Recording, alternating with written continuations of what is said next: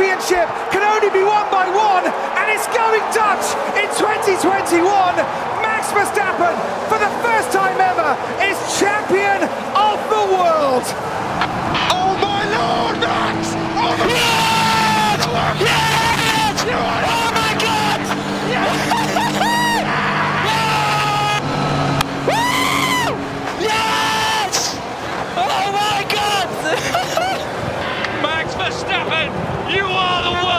Champion! The world champion! Mate, you absolutely deserve it! You absolutely deserve it! You've had no luck! Not the rub of the green! Max, we are so proud of you. Oh my god, guys! I love you so much.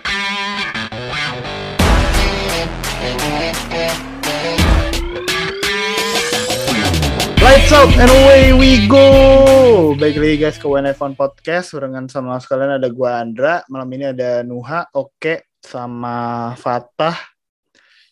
652 lap dipimpin. 10 kali kemenangan dari 22 race. 18 podium dari 22 race.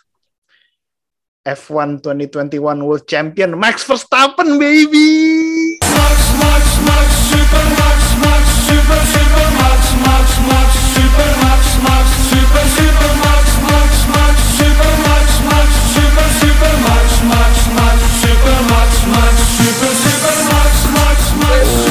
Supermax.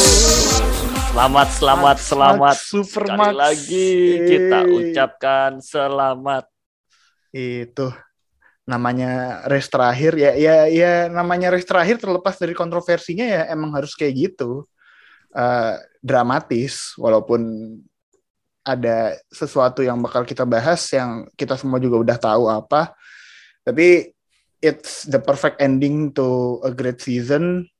Dan Max Verstappen is a worthy champion.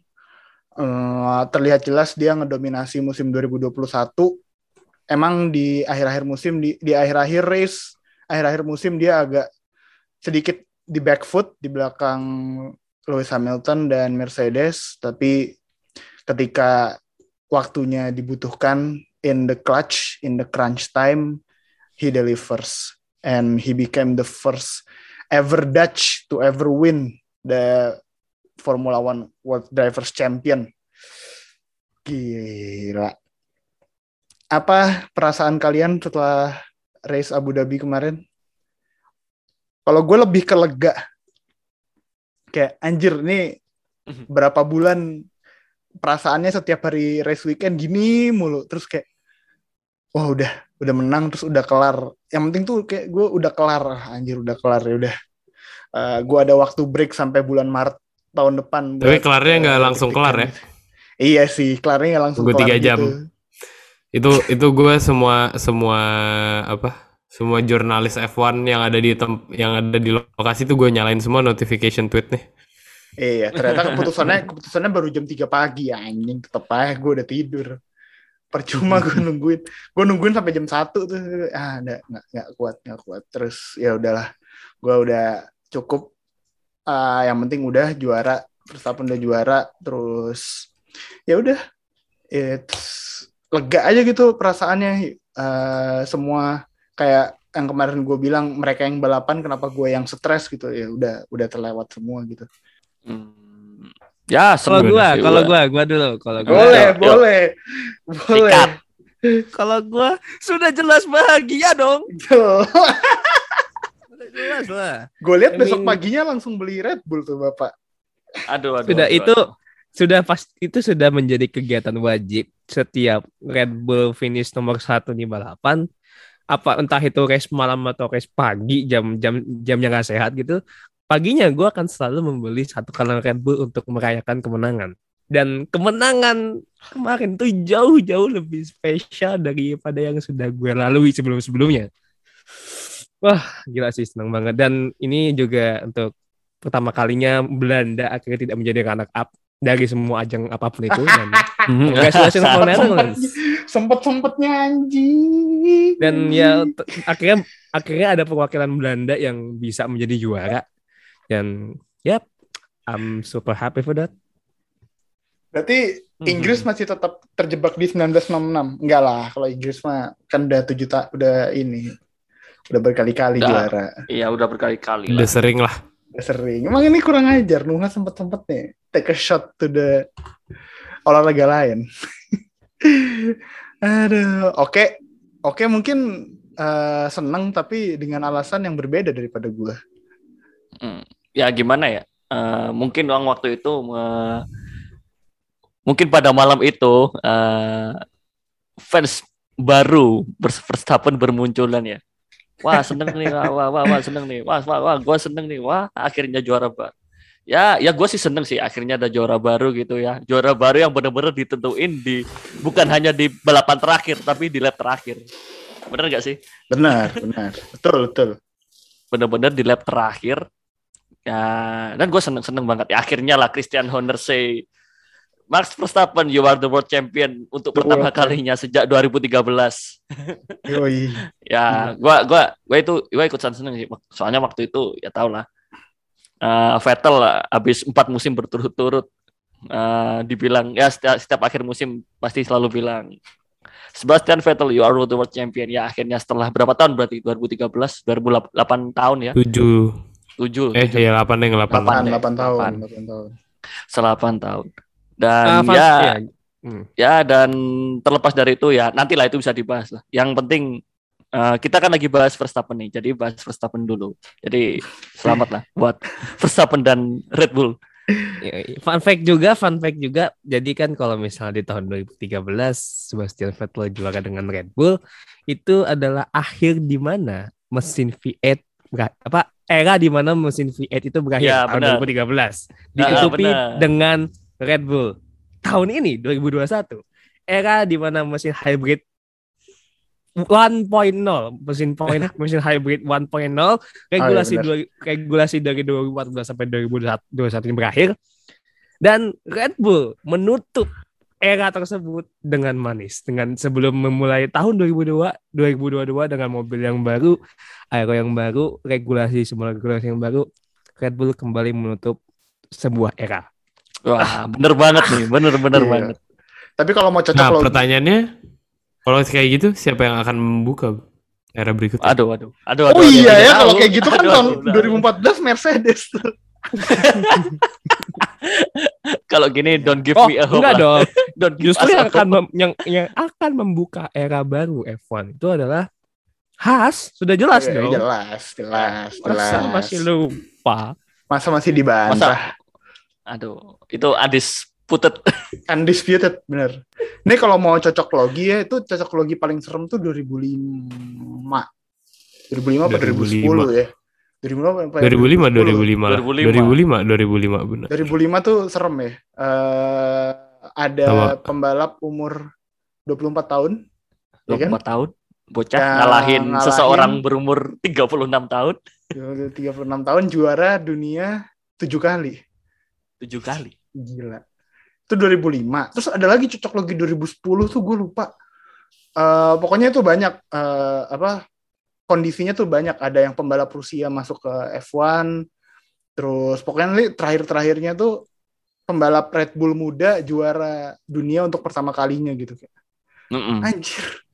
Banyak sekali sejarah yang berulang di 2021. eh tapi berarti rekornya Vettel belum pecah berarti ya pembalap belum, termuda ya belum, belum. belum pecah aja Wah, itu sedikit bahagia lah dua, dua rekor pembalap favorit gua belum ada yang pecah ini Tah, gimana tah? Dis disappointed sih jujur. Hmm. Ya hype ya iya, tapi tapi kan gua nggak pernah gua nggak pernah jadi kayak avid Max Verstappen fan gitu kayak ya gue pengen gue lebih prefer dia menang tapi kalau kemarin di Abu Dhabi Hamilton yang menang juga gue jujur jujuran mah gue nggak apa-apa gue pribadi ya. biasa aja ya biasa aja Iya, kayak ya udah nggak apa-apa. It's it's been an exciting championship gitu.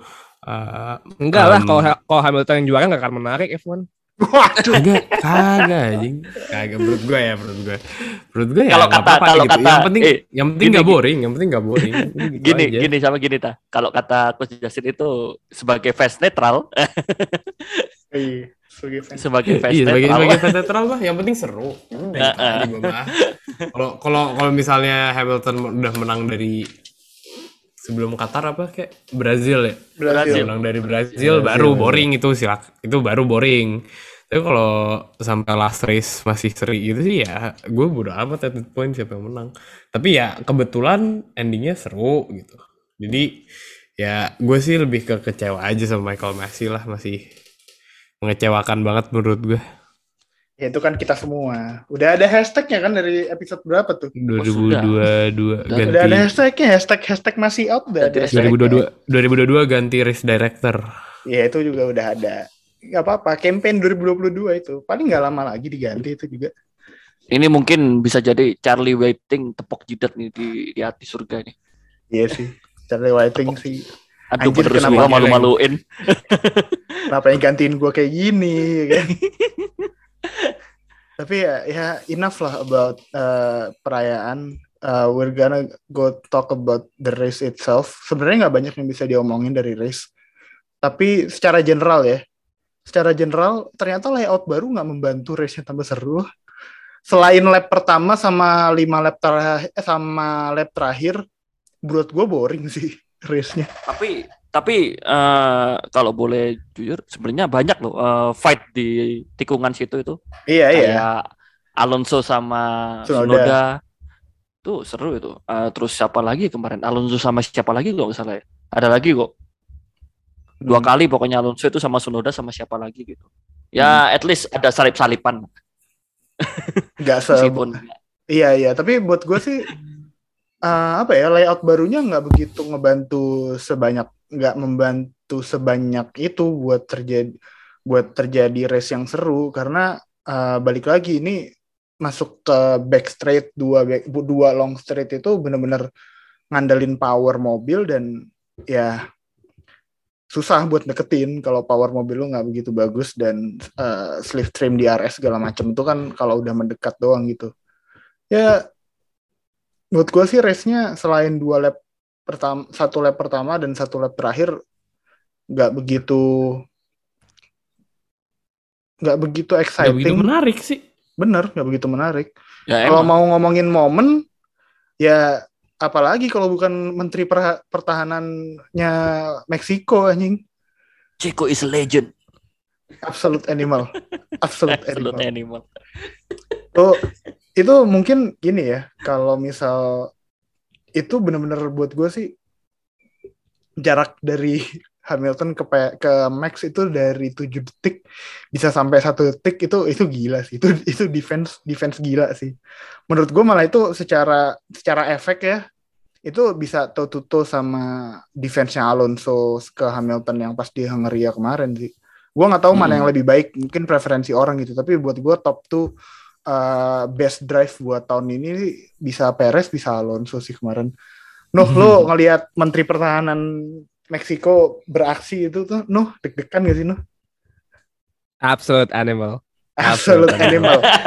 Absolute animal. Gua, gua pun juga nggak nyangka ternyata si Perez bisa melakukan hal yang segila itu cuma buat ngedefend dan dan gini dia itu kan masih pakai ban soft ya masih pakai ban soft dan itu udah sekitar 20 21 atau 22 lap gue gak lupa dan dia masih sanggup untuk bertahan ngelawan Hamilton dengan ban yang lebih Hamilton dengan ban yang lebih baru. Ban yang dia udah Ban ganti hard lagi. udah Ban ganti hard ban lagi. hard lagi. Ya kan udah ganti ban udah ganti ban hard sedangkan Perez tuh dari dari dari ya dari start itu masih pakai ban masih pakai ban soft. Dan menurut gue dia se sehebat itu buat manajemen ban dan itu memang salah satu ability dia yang udah kita tahu. Manajemen ban emang benar-benar bagus. Makanya kan gue bilang dia tuh sarjan apa S3 manajemen ban emang Ah, se- ah, makanya sebagus manajemen. tidak hanya menteri pertahanan, tidak hanya tidak hanya driver Kopaja, tidak hanya supir bus Anyar Panarukan, tapi dia S3 manajemen ban itu sepintar itu nggak. Ba- Maksudnya lu bisa nge- dengan ban soft kayak gitu bisa masih tetap bisa bertahan 10 detik di depan Hamilton yang lama sampai akhirnya tiba-tiba muncul dari belakang teng teng teng teng Max Verstappen itu kan itu kan anjing ya. Maksudnya dari yang jaraknya 13 detik dari jaraknya 13 detik antara Hamilton sama Verstappen tiba-tiba udah tinggal dua detik tuh gimana coba kok nggak ada bantuan Ceko Absolute an animal. Animal. Absolute animal. Gua terngiang-ngiang itu sama apa radionya. Asli, Iya. wholesome itu. Wholesome sih si Max sih bilang gitu. Apakah Perez Itu is a legend. eh, teammate terbaiknya Verstappen? So For now, far ya. yes. So far, So far iya. yes. I can confirm Since. Ricciardo ya. Tapi kalau Ya. sama Enggak, enggak, Ricciardo enggak termasuk Ricciardo kalau gue. ah enggak enggak Nanya, bisa ya. menurut gua karena karena karena at that point uh, Max sama Ricciardo tuh sampai 2018 menurut gua masih setara gitu sampai well at least sampai Ricciardo mulai dapat banyak DNF kayak rasanya mulai Max yang lebih diprioritasin lah. Tapi menurut gua sampai 2018 awal pun mereka masih di treat equally gitu loh. Jadi kalau cuma ngomongin kayak teammate teammate ya ya Ar- eh, eh, Ricciardo sama Perez kayak dua-duanya bagus tapi di eh, balance lah ya. Tapi kalau si apa kalau untuk seri kalau untuk second driver ya paling bagus Ceko lah cuman dia doang kayaknya yang Nah. tahan setahun tuh. Albon juga di tahun setahun gara-gara nggak ada yang gantiin kan. Nah, Bener, tapi kan Iya bener. tapi kan peran dia masalahnya. Menurut gua sih lebih ke peran dia ke tim sih daripada peran dia buat memperebutin juara. Maksud gua sih ngelihat perspektifnya Perez dari dari situ sih daripada Hmm. Albon. Hmm. Maksudnya kalau Max lagi mungkin kayak kemarin lagi dalam masalah gitu, ya Perez bisa diandelin. Kayak gitu Hmm, sih Tah. oke, oke. Gua sih perspektifnya ngelihat ke situ. Maksudnya apa yang dicari sama Red Bull itu sebenarnya pembalap yang kayak gini. Yang fight for the team sebenarnya atau for the max. Tapi ya ya gini deh, kita kita kita suka deh ngelihat eh, siapa ngelihat Perez bisa jadi second driver yang baik gitu kan buat Verstappen. Kita ngelihat dia defense-nya benar-benar bagus, obey team order segala macem. Pertanyaan selanjutnya adalah seberapa lama dia bakal sa- sesabar ini? Dia udah di tim yang bisa ngebuktiin Max bisa dapat juara, masa dia nggak mau? Hmm. Friksinya bakal muncul di tahun keberapa antara Max sama Perez? Di tahun di mana Max formnya jelek dan Perez bisa eh, sebagus dia, udah gitu aja sih. Pokoknya sampai eh, gini, karena menurut gue tahun ini bukan Ceko nggak kayak nggak berjuang ya, gue nggak bilang gitu. Tapi maksud gue rasanya tahun ini Max jelas-jelas performance-nya jauh lebih bagus di atas Ceko, di atas Ceko lah. Menurut gue bahkan kalau diurutin secara eh, Power ranking, power mungkin- ranking. ya power ranking lah dalam tanda kutip ya bagusan Sainz malah. Sainz Norris. Eh, Leclerc bisa dibilang tahun ini lebih bagus daripada Sainz tapi kalau kalau misalnya tahun depan Red Bull mobilnya masih bagus eh, bisa menyesuaikan dengan regulasi tahun 2022 ini dan Perez bisa performance-nya bisa sebagus Verstappen dan mungkin Red Bull juga membuat mobil yang kayak nggak fokus sama Verstappen doang ya mungkin aja Perez mulai mulai ada friction di dalam Red Bull gitu. Kayak mungkin aja nanti kayak kebalikannya Weber Vettel. Kalau Weber Vettel kan eh, dulunya equal terus lama-lama Vettel makin difavoritin kan. Mungkin aja ini kebalikannya dulunya Max lebih difavoritin terus lama-lama equal gitu gara-gara dua-duanya bisa formnya Perez naik gitu sih. Kalau menurut gue gitu ya. Pokoknya kalau Perez udah performance udah bisa sebagus Max ya baru tuh mulai keluar, keluar friction-frictionnya. Soalnya buat gue standarnya adalah eh, Botas kan. Kalau eh, ngelihat teammate yang sesabar itu kan berarti kan eh, Botas gitu kan lima tahun nggak ngapa-ngapain gitu.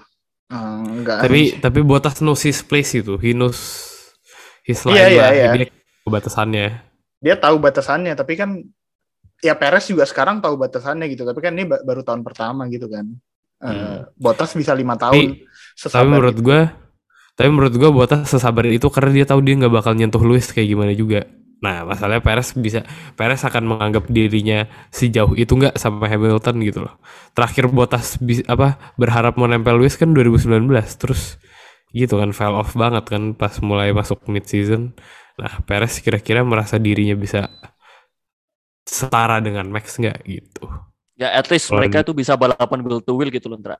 Gue penasaran sih. Nah ya benar itu benar. will to will consistently kayak for one half of the season lah at least itu baru. Hamilton Rosberg lah, vibe-nya vibe Hamilton Iya Rosberg. benar lah. benar. Weber Vettel gitu lah. Vibe-nya harus kayak gitu dulu, Ndra. Baru deh itu kelihatan nanti. ya at least Ricciardo lah ya berarti at least kan at least bisa sekonsisten eh, Ricciardo pas di Red Bull dia levelnya bisa sama sama Verstappen. Eh tapi Ricciardo tuh picknya tuh di Red Bull musim berapa? 2017 atau 18 ya? 16. 16 16, ya, dia 16. dapat P3. 16 ya. 16 ya picknya. 16, benar, 16.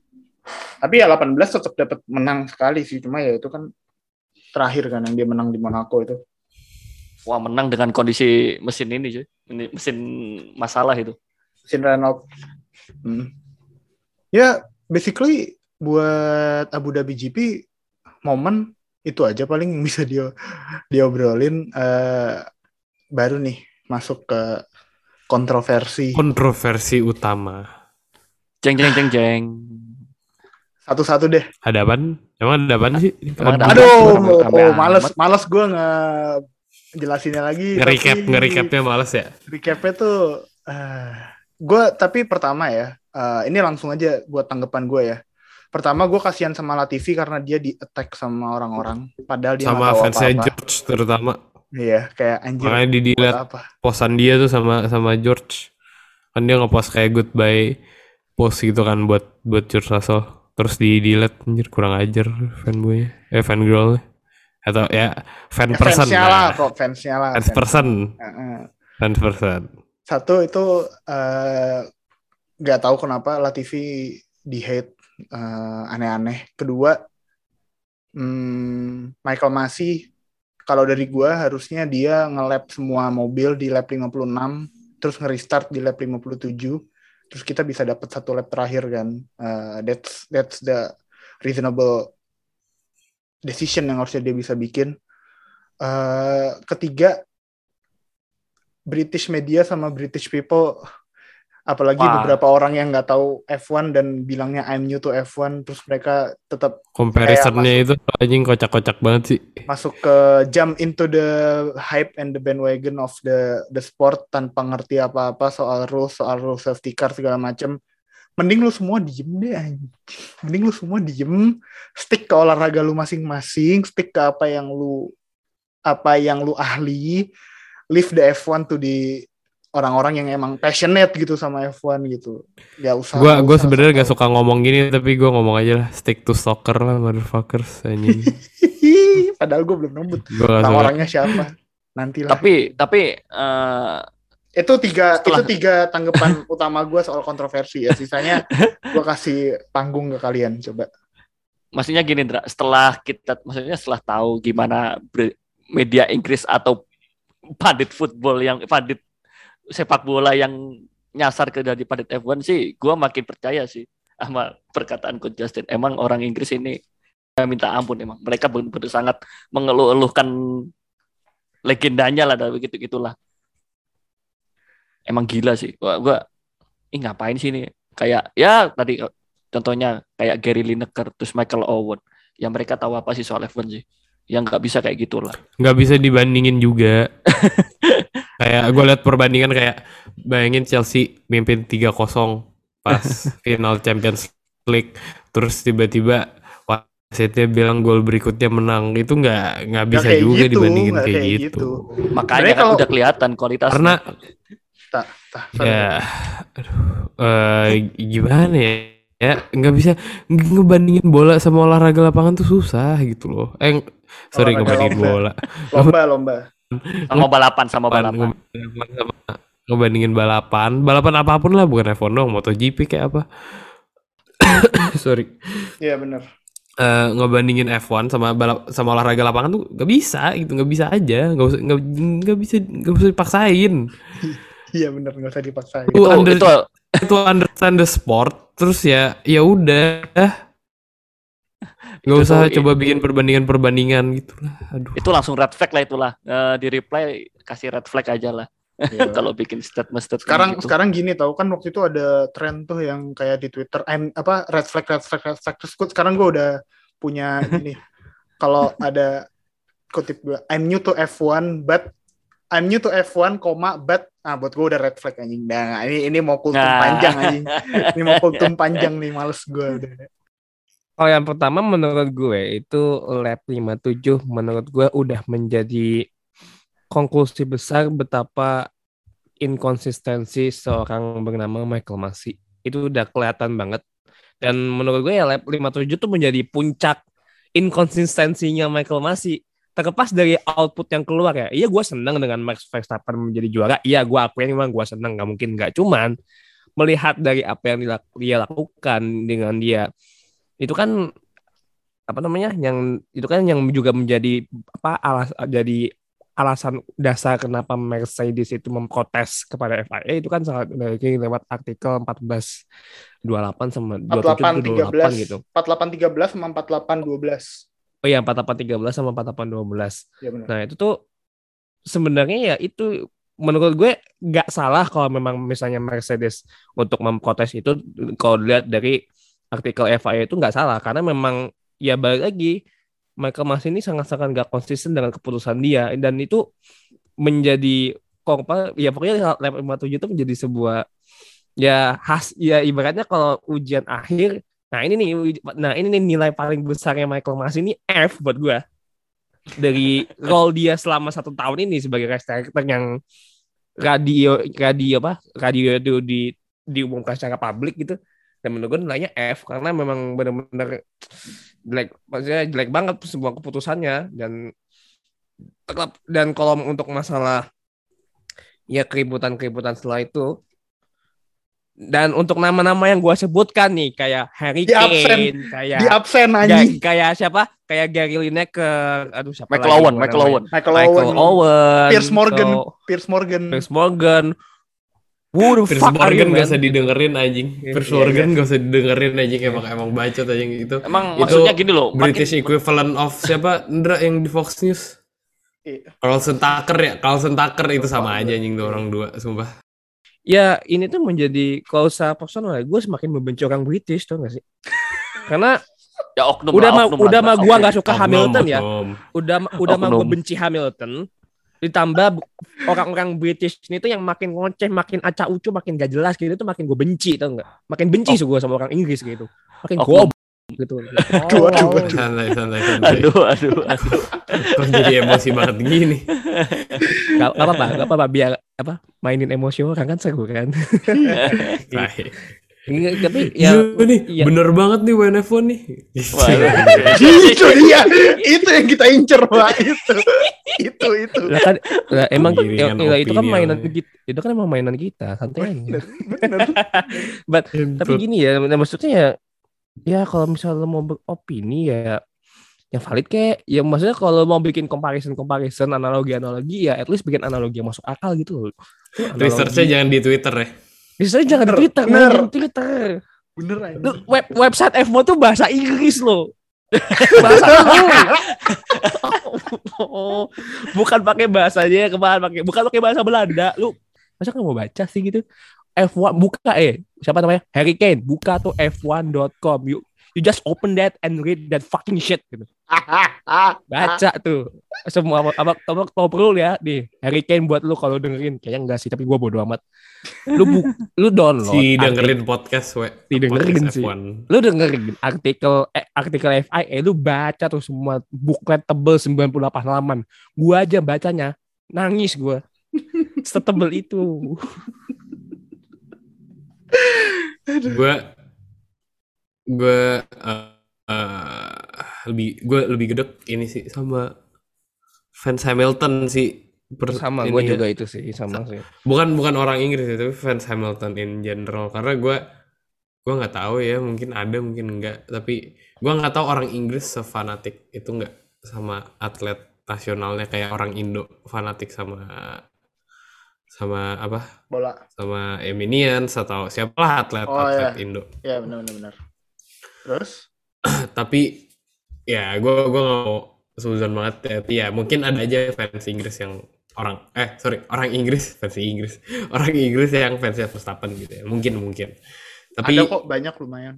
ada banyak ya. banyak kalau Ada, itu ada, banyak Tapi- Ada ada. tapi menurut gue agak apa ya overreacting aja sih menurut gue ya apalagi di statement kan Mercedes ngeluarin statement mereka nyabut itu ya appealnya Mm. hari Yang ini barusan nih, ya? baru hari ini Yang barusan. Iya. Barusan Eh, dan apa ya overreacting banget sih menurut gue di komennya ya kalau kalau misalnya ditukar nih nggak? posisinya Eh, Red eh. Bull sama Verstappen dan misalnya mereka ngepil eh mereka nyabut appeal jadi kayak Iya udah. Walaupun walaupun kalau Christian Horner sih kayaknya nggak bakal cabut appeal sih ya. Gak bakal. tapi bener. tapi Nggak bakal. tapi gue apa ya aneh aneh aneh aja sih reaksinya sampai segitunya banget gitu loh kayak Kayak Hamilton belum pernah juara aja sebenarnya. Kayak Hamilton mau Satu juara itu, mau dua- mau juara terus digagalkan gitu kan Iya. kesannya. Iya, dua dua kayaknya menurut gua karena mereka nggak biasa kalah aja. Menurut gua ya. kita ya Ta ya. Karena mereka nggak ya. biasa, iya nggak nggak biasa nerima kalah aja gitu loh kayak kayak fans Barca nggak bisa nerima dia di Europa League gitulah kurang lebih. Sempet sempetnya anjing, anjing. Oh enggak, Ya, bentar, emang bentar, bentar. sekarang ngatain, ngatain. Gue tahu tahu nggak? Gue nemu equivalennya dengan fans Hamilton yang sekarang yang ramai di sosmed tuh tahu nggak kayak apa? Fans MU. Apa? enggak, nih? enggak. Andra harusnya nih? udah nangkap maksud gue. Oh anjing, enggak, enggak. Enggak. Gua- Udah kayak fans beat tau nggak? Oh, Oh, oh, oh. Oh, oh, oh. Oh. Sama kan? Sama kan? Equivalent Jadi kalau nggak- kan? jadi kalau nggak menang penghargaan yang disalahin yang ngadain penghargaan gitu ya.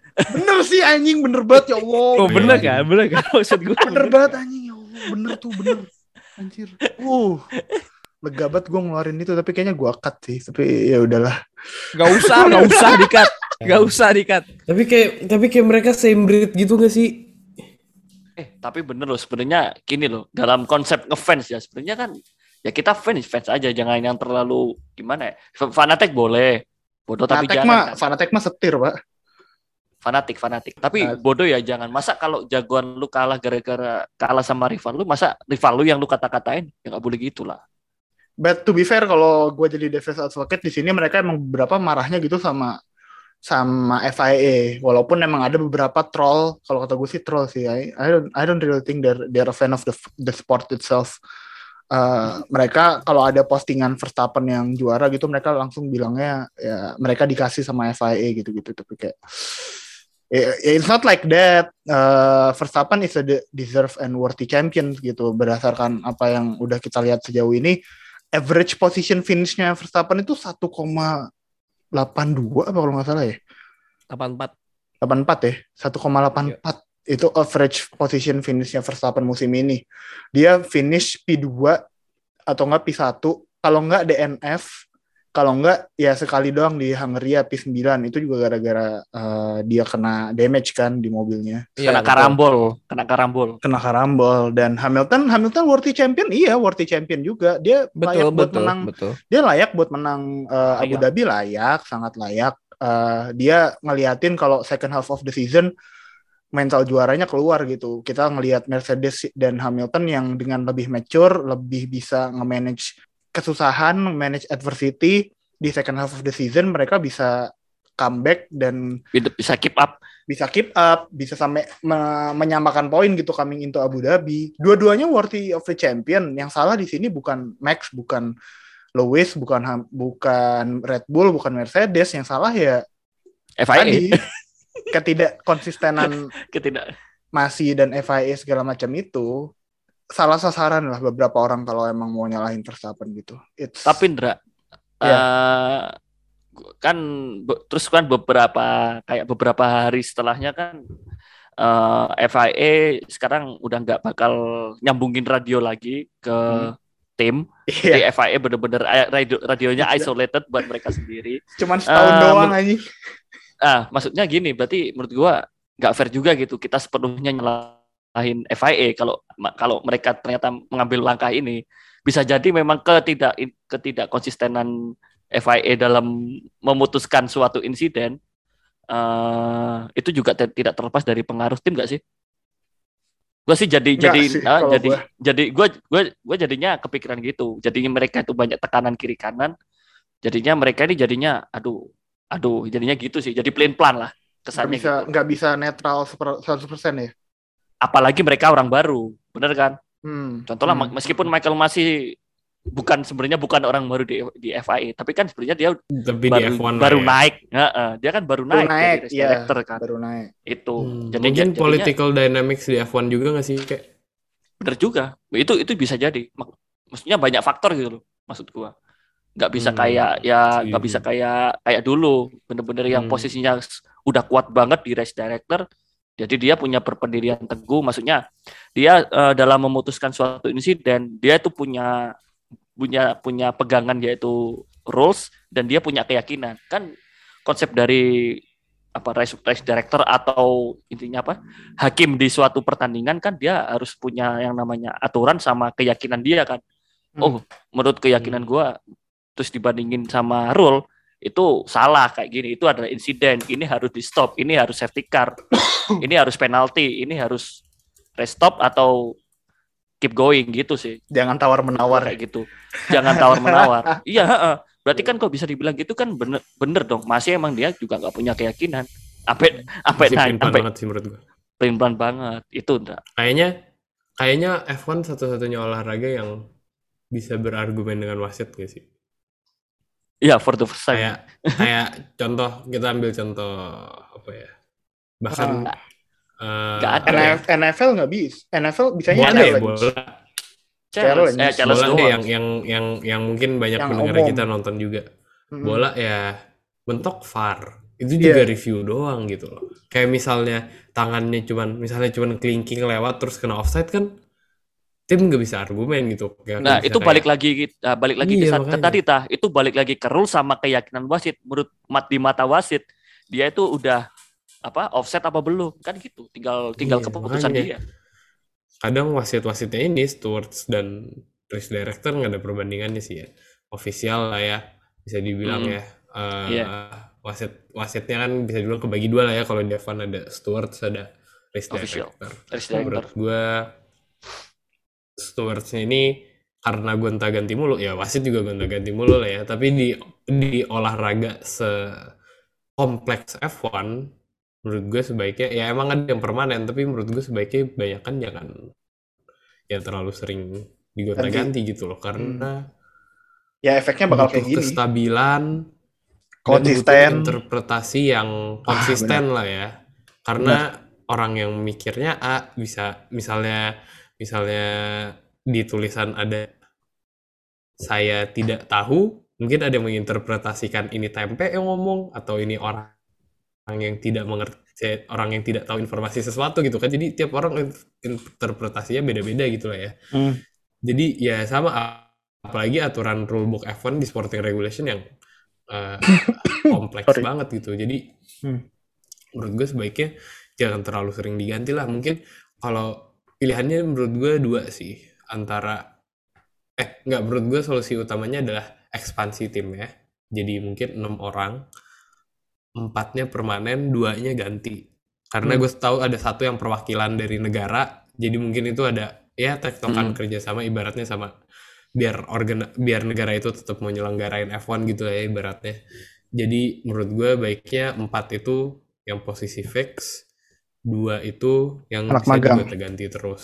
Iya anak magang. mungkin Ibaratnya yang empat ini juga empat ini juga ada 8 orang mungkin yang dirotasi gitu biar nggak ikut di 22 23 bahkan ya mungkin race. bukan 23 23 nya jadi mungkin ya ada sekian orang lah yang punya posisi tetap gitu sebagai stewards. Walaupun gue tahu ada beberapa yang fix tapi menurut gue kurang banyak gitu kalau satu orang doang. Satu dua doang disingkat gue stewards yang fix Ya, Dan itu lagi sih, ya itulah. Matsi juga harus harus belajar inilah eh, naikin common sense-nya lah dia lah sebenarnya sih.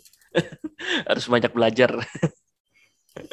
ya eh, ini kan mereka kan yang diprotes sama Mercedes tuh artikel 4812 itu bilang kalau any cars that have been lapped by the leader will be required to pass the cars on the lead lap and the safety car and also once the last lap car has passed the leader the safety car will return to the pit at the end of the following lap. Tapi sama FIA itu di overrule pakai artikel 15, 15.3. 15.3 itu memberikan kuasa penuh uh, overriding authority yang berarti kekuasaan buat nge-overrule suatu rule dari race director into the following matters ada lima poin dan salah satunya tuh the use of safety car. Nah ini kan berarti kan ada beberapa aturan yang bisa multitafsir dan segala macem. Nah harapannya sih nanti ini juga yang jadi harapannya Mercedes dan itu kenapa mereka nggak ngelanjutin appeal ke court of apa namanya arbitrary sport ya apa oh enggak dia appeal tuh CAS appeal tuh ke. International Court of Appeal dulu baru ke Hmm, Kas. baru itu ke CAS. Mm, eh, Mercedes nggak lanjut ke International Court of Appeal dia bilangnya mau nge komitmen buat apa ya jadi nge ngawasin FIA buat pe- peraturan-peraturan yang kayak gini-gini ke depannya kayak gitu. But ya mungkin segala macam kontroversi sih harusnya sekarang udah selesai ya soalnya kayak tadi Mercedes tadi tadi udah bilang dia nggak mau appeal Uh, dan menurut gue itu juga keputusan yang benar dari Mercedes karena bener banget. satu Bener banget. satu hasil menurut gua nggak bakal berubah. Kalaupun bisa berubah, kayaknya yang ada malah race Abu Dhabi di dibatalin hasilnya dan bakal tetap tetap aja mas tetap Max Verstappen yang bakal juara kan kalau hasil Abu Iya. Dhabi nggak ada dan itu bakal melukai reputasi F1 dan image-nya F1 secara sport sih. Kalau emang bakal lanjut ke International Court of Appeal, di mana nanti juaranya bisa masa dalam dua bulan gitu juaranya ngarepin bisa ganti gitu kan. Kan kan nggak nggak nggak kayak gitu. Juaranya ditentukan di track gitu nggak di pengadilan. That's that's my my point of view sih soal Mercedes nggak nge lanjutin Hmm. appeal. Kalau kalau menurut gue, gue eh, walaupun gue nggak suka dengan jawaban dengan reply replyan fans Hamilton dan fans Mercedes di di twitternya, gue nggak gue mostly setuju sama poin mereka. Gue cuman nggak suka cara nyampainnya aja soalnya lu kayak paling menderita gitu. Gue gue nggak suka aja cara cara nyampainnya. Tapi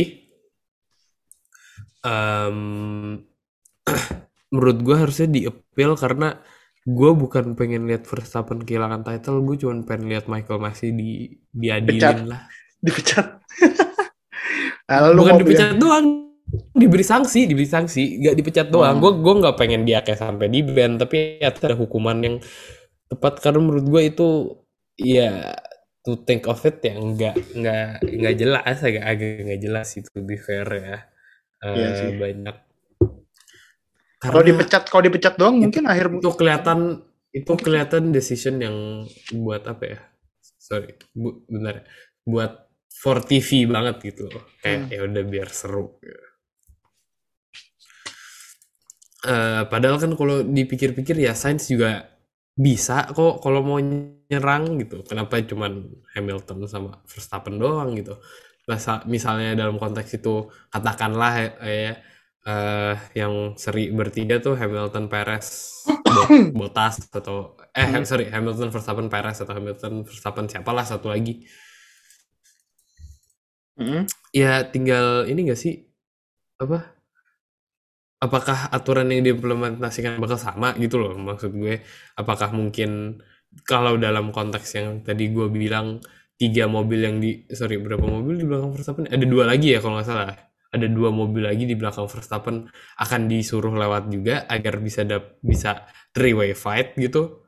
Kan mungkin mungkin aja gitu loh. Jadi menurut gue decision kemarin tuh walaupun gue ya setuju nggak setuju tapi menurut gue itu made for TV banget gitu loh. Dan menurut gue harus ada batasan lah mana yang untuk hiburan mana yang buat olahraga. Karena walaupun nih olah nih olahraga ada hiburan at the end of the day ini juga ada orang-orang yang ada orang-orang yang ngerjain gitu loh yang bukan cuma sekedar objek hiburan aja. Ini ada kerjaan ada passion ada kerja keras mereka selama berbulan-bulan bertahun-tahun gitu loh. Terus thrown away into the drain. Ya walaupun Mercedes ujung-ujungnya dapat World Constructors Championship ya. Gue belum ngomong itu bahkan dari tadi ya. Mercedes tuh- iya. Ya ya ya gimana pak? Soalnya mereka juga belum mereka juga belum ganti bio dari jadi 8 kali juara constructor mereka jadi ya udahlah. Iya sih tapi tapi apa ya eh World Drivers Champion ini kan selalu yang lebih beken lah ya yang lebih kece. Iya. World Drivers lah dibandingin World Constructors. Jadi menurut gue rasanya agak kasihan aja sih sama orang-orang Mercedes yang udah kerja keras. Ya bener bener bener. Sebenarnya semua euforia dan kontroversi kemarin tuh menut mengovershadow beberapa momen-momen yang keren juga di finishnya eh, Abu Dhabi makanya gue juga nggak mau tuh hasilnya diubah karena satu Sainz tiba-tiba podium P3 kayak anjing datang dari mana ini orang dan kedua Gue di belakangnya nggak nyadar, di gue belakangnya bahkan gak merhatiin. di belakangnya Sunoda, Tsunoda. P4 Sunoda anjing. people. Sunoda P4 dan kondisinya itu juga deket ke Sainz loh 0, berapa detik doang gitu ke ke Sainz jadi Sunoda has a shot of podium Sainz masuk podium. Ferrari P3 constructor dan Sainz jadi juara F1,5 gitu kan. Ferrari sama Ferrari sama Carlos Sainz jadi juara F1,5 gitu eh, tahun ini. Ini buat dua pendukung Ferrari gue ucapkan selamat karena buat gue ini jujur Ferrari have the most improved season dari tahun lalu ke tahun sekarang tahun lalu P6 sekarang P3 drivernya ada yang di top 5 kon- top top 5 uh, driver championship Driver. gas deh eh, menurut lu performance Ferrari kemarin selama musim ini kayak apa sih dan kenapa bisa sebagus ini dibanding musim lalu Duluan ta, duluan ta. Hmm, apa ya? Ya, ya mungkin eh, set driver yang baru lah ya, ada lebih muda, em, lebih fresh kurang lebih. eh ada energi yang baru kan selama ini masih sama Vettel. Ya gue bukan bilang Vettel bad vibes atau gimana.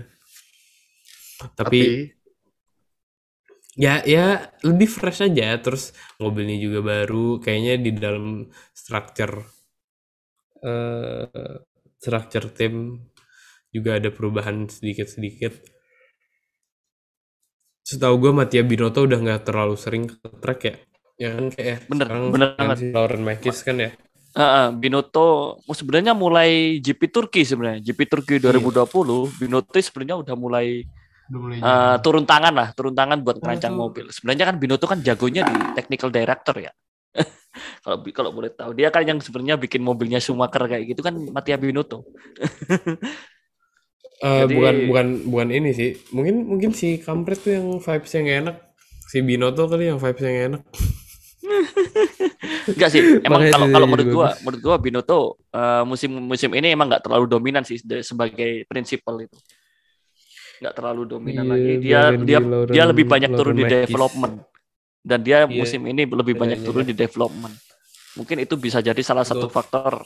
Noh, gue butuh Iya, jadi uh, gue butuh balancing lebih konsisten or- juga gue butuh counter argumen noh dari non fans Ferrari real deal nggak sampai apa, 2000 apa yang mau lu counter orang bagus Enggak, ya ya Gimana? bagus bagus tapi eh, is that is it a real deal bakal lanjut sampai 2022 nggak? kan 2022 itu udah ganti aero jadi Baru harus semua. ada ad- jadi bagus semua jatuhnya fresh fresh jatuhnya tuh fresh start buat gua. Nggak cuma hanya Ferrari doang. Semua mobil tuh jadinya bakal fresh, start bakal fresh banget. Jadi gua nggak akan bisa memprediksi siapa pun yang mau tim apa yang bakal bisa langsung curi poin buat oh this is gonna be a good car for 2022 gitu. Dan menurut gua dengan mungkin gue belum sempat ngebahas tentang ini ya apa dengan apa mundurnya Mercedes dari appealing mereka ke FIA gitu. Hmm. menurut gue itu gue ada dua ada dua pendapat sih. Yang pertama itu yang pertama itu menurut gue langkah yang tepat karena satu mereka harus fokus buat develop mobil tuh tahun 2022 karena buat apa kalau memang misalnya hasil udah nggak bisa diubah lagi dan ya mau gimana lagi gitu kan. Jadi mereka udah harus siap fokus untuk ngebikin ya aerodinamik atau mesin untuk 2022 gua rasa lebih baik mereka fokus ke sana udah nggak perlu lagi mikirin apa yang terjadi. Di Abu Di Dhabi the past is the past move on. Udah udah cukup aja udah move on gitu.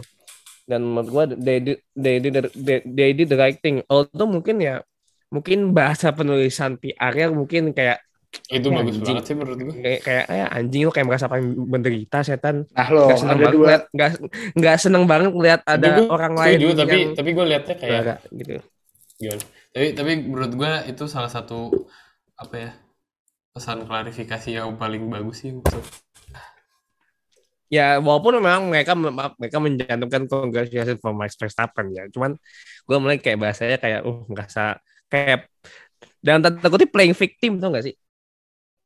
Hmm, menyalahkan. kayak playing vic, kayak playing victim playing victim selebgram selebgram gitu-gitu tuh uh, beberapa Fafifu, Mas Caucu gitu ya. Tapi Klarifikasi ya, buat dong. gue mereka ya ya klarifikasi gitu kan. Tapi ya mereka ya menurut gue terlepas dari bahasa yang kurang enak, they already did the, the, the, the good thing lah buat gue. Mereka bisa fokus ke 2022. Malah kalau malah menurut gue kalau misalnya mereka udah kayak gini tuh mereka bah hunger for hunger for sukses tuh bakal lebih gila lagi buat tahun depan gitu. Walaupun tadi apa ada kabar simpang siur ya kalau misalnya ternyata Hamilton masih belum memikirkan lagi untuk balik ke F1 musim depan. Itu itu. Ya tentu saya senang gitu sih. Um, Tentu saya eh, senang eh, kalau dia tidak balik tahun eh. depan. Eh, eh. Aduh. Gua namain Nuha, gua Aduh, namain Nuha sih. Iya. Gua namain Iya, Nuha sih. Mercedes menurut gua mutusin untuk appeal apa Gak jadi tuntutannya appeal. Ah, nggak jadi appeal karena dia inget mereka baru saja sign George Russell yang notabene adalah driver yang berpotensi juara lagi. Jadi mereka udah ya udah gue nggak perlu khawatir, gue masih bisa juara kok. Nah, nih sepanjang episode kita cuma marah-marahin FIA tapi kita belum mengapresiasi the world champion. The new uh, Formula One World Drivers Champion uh, Max Emilian Verstappen.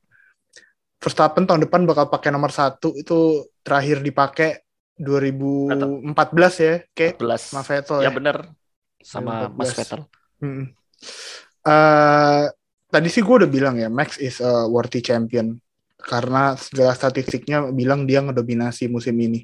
Tapi kalau lo mau misal ada argumen lain kayak kenapa Max, kenapa menurut lo Max is a deserving champion? Hmm, kalau kalau boleh jujur ya sebenarnya Max itu eh, apa ya udah nunjukin kalau dia itu bisa eh, dia adalah seorang driver F1 yang bakal menjadi juara. Itu sebenarnya ya dari dia menang itu sih menang GP apa Catalunya ya. GP Catalunya GP Spanyol Spanyol, itu 2016 itu sih yang 2016 Hmm, itu kan 2016. waktu itu gimana ya? Itu itu hype banget loh kalau paling pada inget itu itu hype banget itu pembalap berusia apa 19 atau 18 tahun berarti dia ya? 18 itu 18 18, 18, ya, 18 tahun baru legal. juara. Habis itu kan ya habis itu kan ya he deserve it gitu loh. Menurut maksud gua dia lebih potensial bakalan menjadi juara dunia. Gua sih sebenarnya eh, bukan gimana ya? Dalam pengen lah, pengen lah. Ini Verstappen ini potensial gitu buat jadi pembalap pembalap yang juara. Tapi waktu itu gua sih gua kan kurang suka dengan budaya Red Bull ya. Maksudnya Red Bull yang terlalu ngepush yang yang intinya kondisi timnya nggak sehat apalagi eh mereka itu selalu meng, apa, memprioritaskan Verstappen. Gue sih sebenarnya kurang suka di situ. Itu seum- seumpama ya, seumpama waktu itu Verstappen masuk ke Mercedes, itu bisa sampai sekarang musim mungkin sampai sekarang juara sih. Gitu Udah sih. bisa- udah Soalnya bisa- ada Udah bisa tiga Udah kali bisa. juara kali. udah bisa tiga kali juara. Gue serius sih ngomong gini, Hmm. gitu sih. Eh, Verstappen beneran ngeliatin dia yang lebih mature dari beberapa musim sebelumnya bahkan mungkin dia lebih mature daripada Horner atau Marco sendiri kalau nge- iya. nge-handle gue setuju banget. Gua kalau setuju banget. nge-handle media dan segala macamnya gitu kan eh, kayaknya Verstappen bisa lebih adem lebih dingin dia he really get his eyes on the prize gitu. Fokus dia ya Dan ke apa yang ada di depan. Kalau ada insiden di belakang ya ya udah selesai di hari itu juga gitu. Better Da- better dan- langsung persiapan buat next race. Hmm? dan gue juga baru ingat musim ini Verstappen nggak pernah finish nomor tiga ya. enggak enggak pernah. Nggak pernah. Itu kalau nggak kalau nggak satu dua gua dua DNF. sama DNF udah. Itu sama gila sih menurut sembilan sembilan di Hungari tapi kan itu kan kecelakaan hitungannya Hamilton Hamilton yang notabene udah tujuh kali belum nggak nggak pernah kan kalau nggak salah nggak Hmm. tahu finish kayak apa semusim kayak gini nggak Iya. tahu 10 2014 kali ini apa? ah ya coba coba nu coba nu Sepu, ini 10 kali menang, 18 kali podium. Podium. Bayangin dari 23 balapan, 18 kali 22 podium, 22 Jay. Dua. 22. Iya dari 22 balapan 18 itu podium sisanya DNF semua itu Tiganya Nah, DNF, satunya 9. Udah itu doang tuh anjing. Iya, gue tuh sampai gak percaya loh. Gue Sembilan juga ditabrak. Heeh. Oh Yang yang enggak sembilan, yang, iya. yang kalau yang yang DNF itu kan di Baku, di Monza, Monza sama, sama Silverstone. satu lagi. Oh iya Silverstone. Iya, iya. Udah itu doang. Sisa Dan dan gue dua ingat lagi. dan apa namanya? Dua dua race yang DNF itu tabrakannya sama Hamilton lagi. Iya, bukan salahnya dia. Iya. Bukan salahnya dia. Sama yang ban sih yang di Baku sih. Iya, ban sih yang baku salah Pirelli, bukan salah Eh, dia. Pak salah Pirelli. Eh, maksud gue gini, Verstappen kalau kalau nggak salah ya, maksudnya kalau seingat gue, musim-musim kemarin dia tuh banyak ini loh, eh, engine issue. bener. Iya nggak sih? Iya nggak sih? bener bener. Nggak pernah sesempurna ini mobilnya, nggak nggak pernah sesempurna musim ini.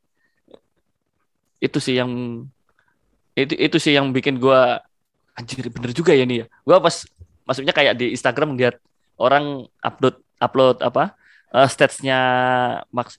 Ih, gila. Gue bener juga nggak pernah finish nomor tiga. Sekalinya nggak finish ya. Bukan gara-gara dia bukan gara-gara engine issue. Bener-bener bener pure inci- insiden yang bukan disebabkan oleh oleh dia. Oh emang gila sih. Ya, itu it's- sih. Maksudnya gue realize kalau emang ini bener emang bukan bukan apa bukan gara-gara mobilnya yang kenceng. Verstappen-nya jago banget. Gitu sih Dan Kalau emang- menurut gua nih juga jadi ini apa sih namanya? Kayak persembahan terakhir Honda karena ya ini kan tahun terakhir Honda juga kan. Hmm, hmm. Tahun terakhir Honda menjadi supplier mesinnya Red Bull, Red Bull Teams sebelum akhirnya diganti menjadi RB Powertrains dan Hmm. menurut gue ini kayak menjadi ya mereka kerja semaksimal mungkin lah biar mesin itu dan itu kan memang udah terlihat dari GP di Bahrain mereka langsung sebenarnya bukan dari Bahrain malah dari dari tahun lalu dari Abu Dhabi 2020. dari Abu Dhabi. Ya dari Iya. 2020 di Abu Dhabi juga. Itu kan yang juara kan Max kan yang juara 2000 tahun lalu itu juga Max gitu. Dan dan itu istilahnya kayak oh ini awal development kita udah mulai bagus nih. Nah makin sempurna lagi itu di tahun dua- di tahun ini tahun 2021 dan itu terbukti dari mobil Verstappen yang jarang banget namanya ada reliability Engine issue. issue, Eh, engine itu kayaknya belum kayaknya jarang banget terdengar. Kalau nggak paling apa gitu masalahnya nggak ada gitu. Paling nggak pernah kalau nggak pernah. nggak pernah. Bahkan kalau Perez Perez kalau off tuh yang paling kelihatan paling karena tim order. Iya. karena tim order buat disuruh berhenti yang menurut gua anjing kenapa Perez harus berhenti? Itu kemarin kan ya? kemarin. Iya kemarin, ya Abu Dhabi kemarin, kemarin. Abu Dhabi kemarin. ngapain dia harus ngapain dia harus harus cerita kayaknya gue juga bingung gitu. Tapi menurut gua what a perfect ending for Honda. Mereka lagi bagus-bagus dari musim ini akan menjadi juara dan and done gitu. Dan menurut gua le- apa track record Honda beberapa tahun belakangan yang jelek sempat jelek ya bahkan dibilang sampai mesin GP2 sama Alonso itu menurut gue terbayar terbayar lunas ya? dan akhirnya mereka bisa mereka bisa pulang dalam tanda kutip pulang ke Jepang dengan bang dengan membawa Honda menjadi juara dengan Max Verstappen sama Red Bull. itu siapa sih yang namanya yang orang Jepang yang biasanya kalau di podium mesti apa mesti shoot kamera itu itu kayak memorable banget anjir Iya, gue lupa, gue Gua lupa namanya. namanya. Ma masa masa hero siapa gitu gue lupa. Masih Iya, Hiro jadi Tanaka. itu ya- Oh, bukan, bukan. Dia sampai ya ma- ya pokoknya gitulah. Gua sampai tweet kan nangis itu. gitu karena ya memang iya. Gua sampai tweet itu. Honda untuk di iya sih. Perjuangan Honda di F1 itu tuh memang berat banget apalagi setelah comeback ya. Yang di McLaren menjadi tim yang ngebuat McLaren jadi bantar era masuk ke bantar era. Soalnya kan ad- banyak yang bilang kalau katanya treatment McLaren sama Red Bull itu berbeda gitu. Kalau misalnya Red Bull kalau misalnya McLaren mobil apa mesin yang harus ngikutin sasis mobil. Katanya sih gitu ya. Dan kalau di Red Bull treatmentnya udah nih apa gua percaya sama lu silahkan lu bikin mesinnya bagaimana. Sasis gua yang ngikutin bentuk mesin lu. Ibaratnya kayak gitu kalau di Red Bull. Jadi makanya antara mesin dan mobil itu bisa nyatu di Red Bull. Makanya mobil itu bisa perfect gitu loh antara antara dengan Honda dengan Red Bull. Mereka tuh bisa nyesuain nyesuain sesuai dengan bentuk dari mesinnya itu. Makanya yang bikin McLaren gak, gak sukses sama Honda kan karena itu sebenarnya Adrian Newey pak Bener, emang. Adrian Newey. Adrian Newey itu. betul, Jenius. betul, betul. Ya, Aduh, Ya. aduh. Verstappen, Verstappen. Kayak 24 tahun. eh, emang sih kalau by apa? By his career dia udah lama gitu di F1 udah 7 tahun berarti di F1 kan? 2015 ya. Iya. Iya. 2016 lah. Du- 2016. Dia sempet Toro Rosso nggak ya? Sempet ya, sempet Toro Rosso ya. sempat sempat ya? sempat Toro Rosso. Dia oh iya benar 2015. Dia tujuh tahun, udah tujuh tahun di F1 dan baru juara di tahun ke-7 tapi itu juga baru 24 tahun. Berarti kan banyak all time greats yang juara dunianya ya sekitar-sekitar tahun segini gitu 23, 24 eh, kayak Hamilton tuh 23, Alonso tuh 24, Vettel, Beres. Vettel, Vettel, Vettel 23. 23, iya. Terus sekarang Verstappen 24. Berarti kan masih masih masih banyak banget kesempatan buat dia di de- ke depannya gitu. Masih Oh masih, masih. jauh karirnya. We'll see lah. Dengan ja, ya buat gue sih jangan sampai ini Verstappen puas dengan satu juara dunia aja ya. Soalnya kemarin entah kenapa beberapa interview eh, memperlihatkan kayak gitu. Kayak Verstappen yang penting udah dapat dulu satu juara, sisanya bonus gitu kata dia. Tapi buat gue sih jangan sampai lah mindsetnya kayak gitu. Gimana tah? Kalau menurut menurut gue yang juara satu kali tuh bakal apa ya? Di left out dari inilah legasinya nggak sebagus yang juara tiga kali atau Raikkonen cuma sekali. Tapi dia punya personality yang bagus Nah. banget gitu makanya dia memorable gitu dan dan emang dari sebelum sebelumnya emang dia udah sering nantangin gitu tapi kalau kita mau bandingin sama yang satu kali juara dunia kayak misalnya Button. Jenson Button atau Rosberg. Jacques Villeneuve Rosberg. eh, Rosberg. Nico Rosberg Nico Rosberg masih mendingan lah ya karena ya karena dia ada personality yang bagus juga dia masih masih lanjut lagi kan sekarang tapi ya gue harap sih Max bisa menang-menang lagi lah ke depannya tapi yang penting tidak menghalangi pembalap Ferrari yang mau menang Oh gitu. Oh, gitu lah Gitu. lah gitu lah berarti Verstappen battle-nya sama Leclerc nih berapa tahun lagi sama Ya. Sainz. itu siapa- 2019 saya udah panas tuh Iya.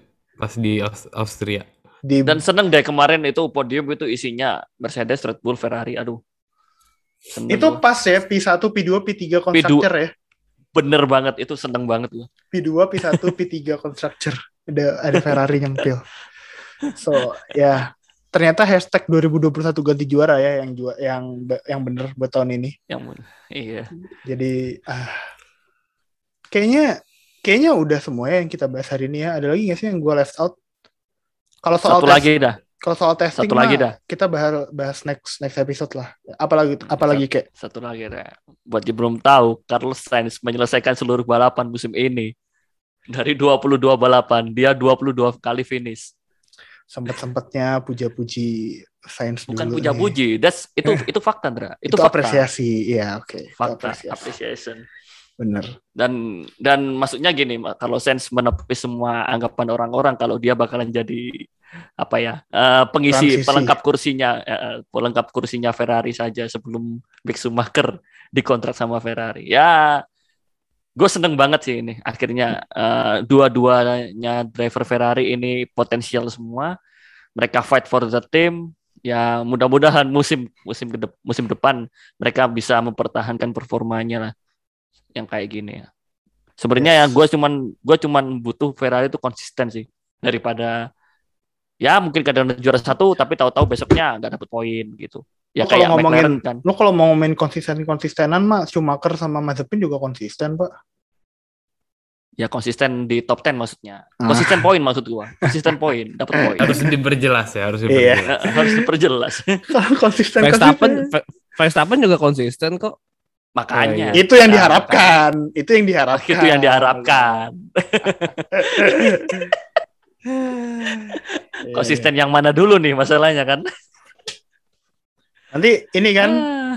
eh lo bakal nulis sesuatu kan buat buat Sainz kan? Ya, ya tunggu aja. Gua Ditunggu bakal aja ya. tulis Yoi. stat-nya buat Saints. Yoi, bener-bener. bener. Bukannya yang juara malah yang juara lima yang kita bikinin. Ya yang juara kan bikinnya udah banyak. Iya, Udah banyak bener. yang juara udah banyak yang bikin. Kita ngelihat yang P5 kita. lima aja. Alright, uh, that was a fun episode, lumayan panjang tapi it was worth it buat the end of the great season of Formula One 2021. Semoga tahun depan kayak gini lagi. Uh, Amin, amin, amin. Gue doubt that, gue nggak yakin tapi masih ada kepercayaan itu kalau 2022 bisa lebih bagus lagi. Mobil yang lebih setara harusnya lebih banyak driver yang lebih banyak lebih banyak driver yang bisa bertarung di atas gitu. Gue juga mau lihat kayak kayak Leclerc, kayak kayak George Russell, kayak kayak Perez uh, bisa Hmm. ikutan battle di buat menangin championship. So ya semoga Ah, gue ada prediksi sih buat 2022. Tapi nantilah di season preview dan Oke. season preview. Jangan Waduh, sampai waduh, jangan waduh. sampai jangan sampai lupa tapi ya. Jangan sampai lupa tapi ya. Tulis dulu aja di grup, tulis di grup dulu aja, ntar, ntar, Oh, ntar iya. baru disebutin ya kan. Ya, gue sih ngikut kata Mas Stefanus ya. Biasanya kalau bisa ganti regulasi makin jauh justru bukan makin dekat. Ya biasanya sih gitu, cuman ya we'll see lah. Ya, eh, mungkin itu eh, buat musim 2021. eh thank you buat semua yang udah dengerin WNF1 di 2021. It's been a great Oh iya, ride. Apa tuh? gue gue mau makasih juga buat yang udah nonton uh, Oh, live iya. streamnya WNF1 di TikTok. Ya, sampai satu setengah jam nonton mulu. Gokil. Gue juga nonton tuh, bentar. Gue Ya, nonton bentar bentar Oh. Lu ada nge-gift ah, nggak ngasih gift. Mau di give apa sih? Biasanya ada yang ngirim nasi uduk gitu, gue nggak tahu gimana cara itu buat apaan. gue juga kagak ngerti. Masa mau dikirimin Red Bull gitu ke rumah kan kagak. Nah itu mah tugasnya Nuha biasanya ngasih lima re ngasih 18 ribu buat beli buat beli Red Bull di Alfamart. Murah. Murah ya. Murah. Buat buat Verstappen mah apa yang enggak nih.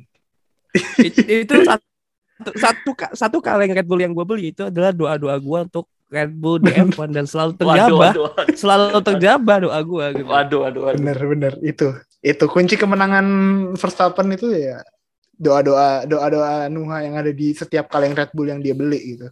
Berarti Karena kan karena gini karena gini donasi 18.000 ribu gua itu adalah untuk research and development aerodynamic Red Bull untuk RB Powertrain tahun Si langsung ke depan. situ duitnya.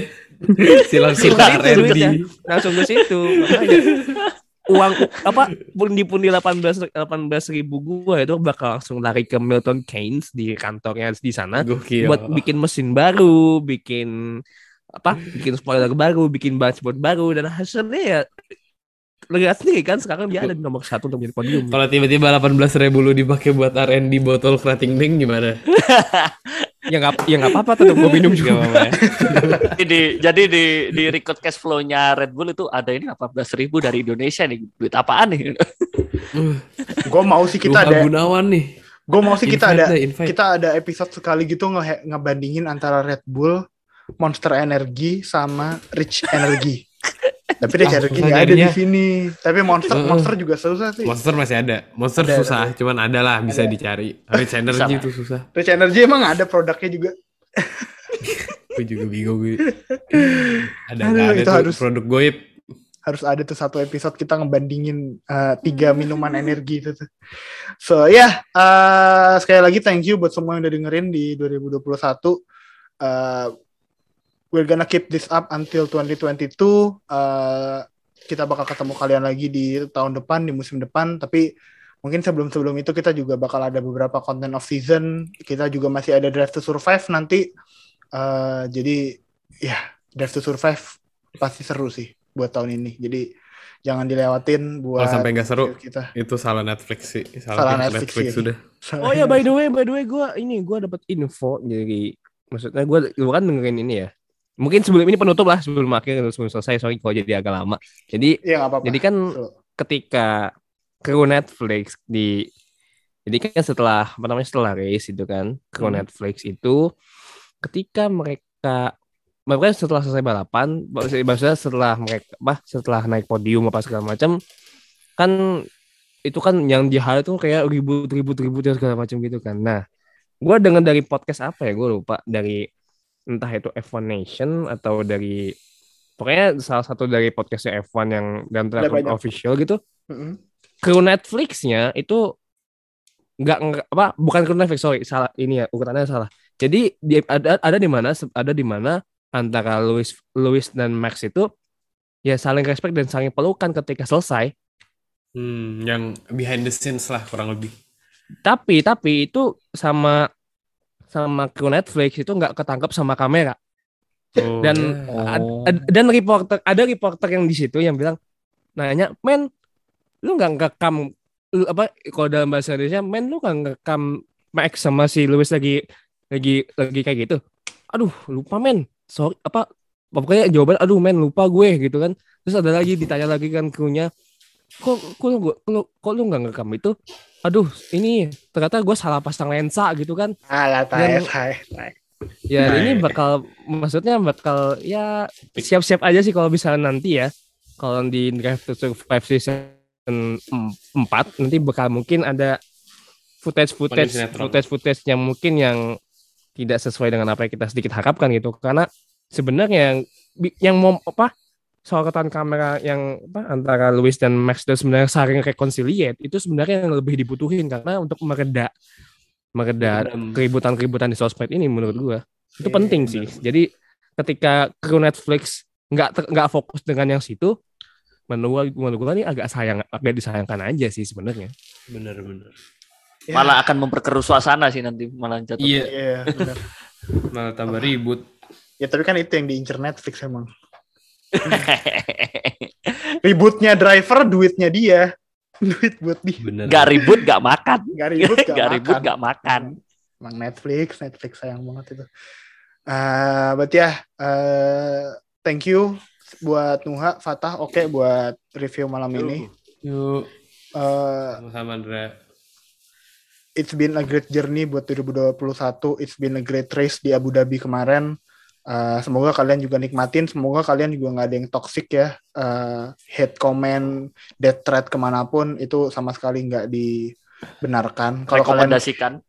nggak dibenarkan malah bukan nggak direkomendasikan, nggak dibenarkan kayak gitu. Kalau kalian masih kayak gitu ya unfollow aja WNF1 karena that's that's that's not that's not what we uh, encourage gitu.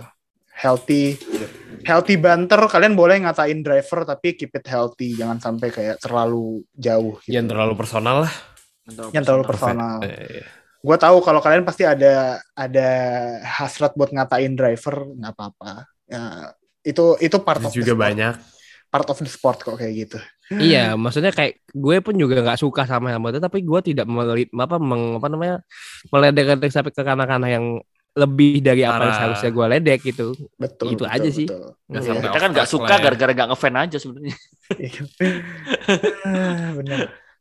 Jangan sampai rasis, jangan sampai death threat, jangan sampai sara, jangan sampai eh, hate comment dan segala macam lah pokoknya. Kalian tahu eh, you guys better than that, don't be toxic in social media. Uh, and yeah, thank you sekali lagi and we'll see you guys in our next episode. Bye guys.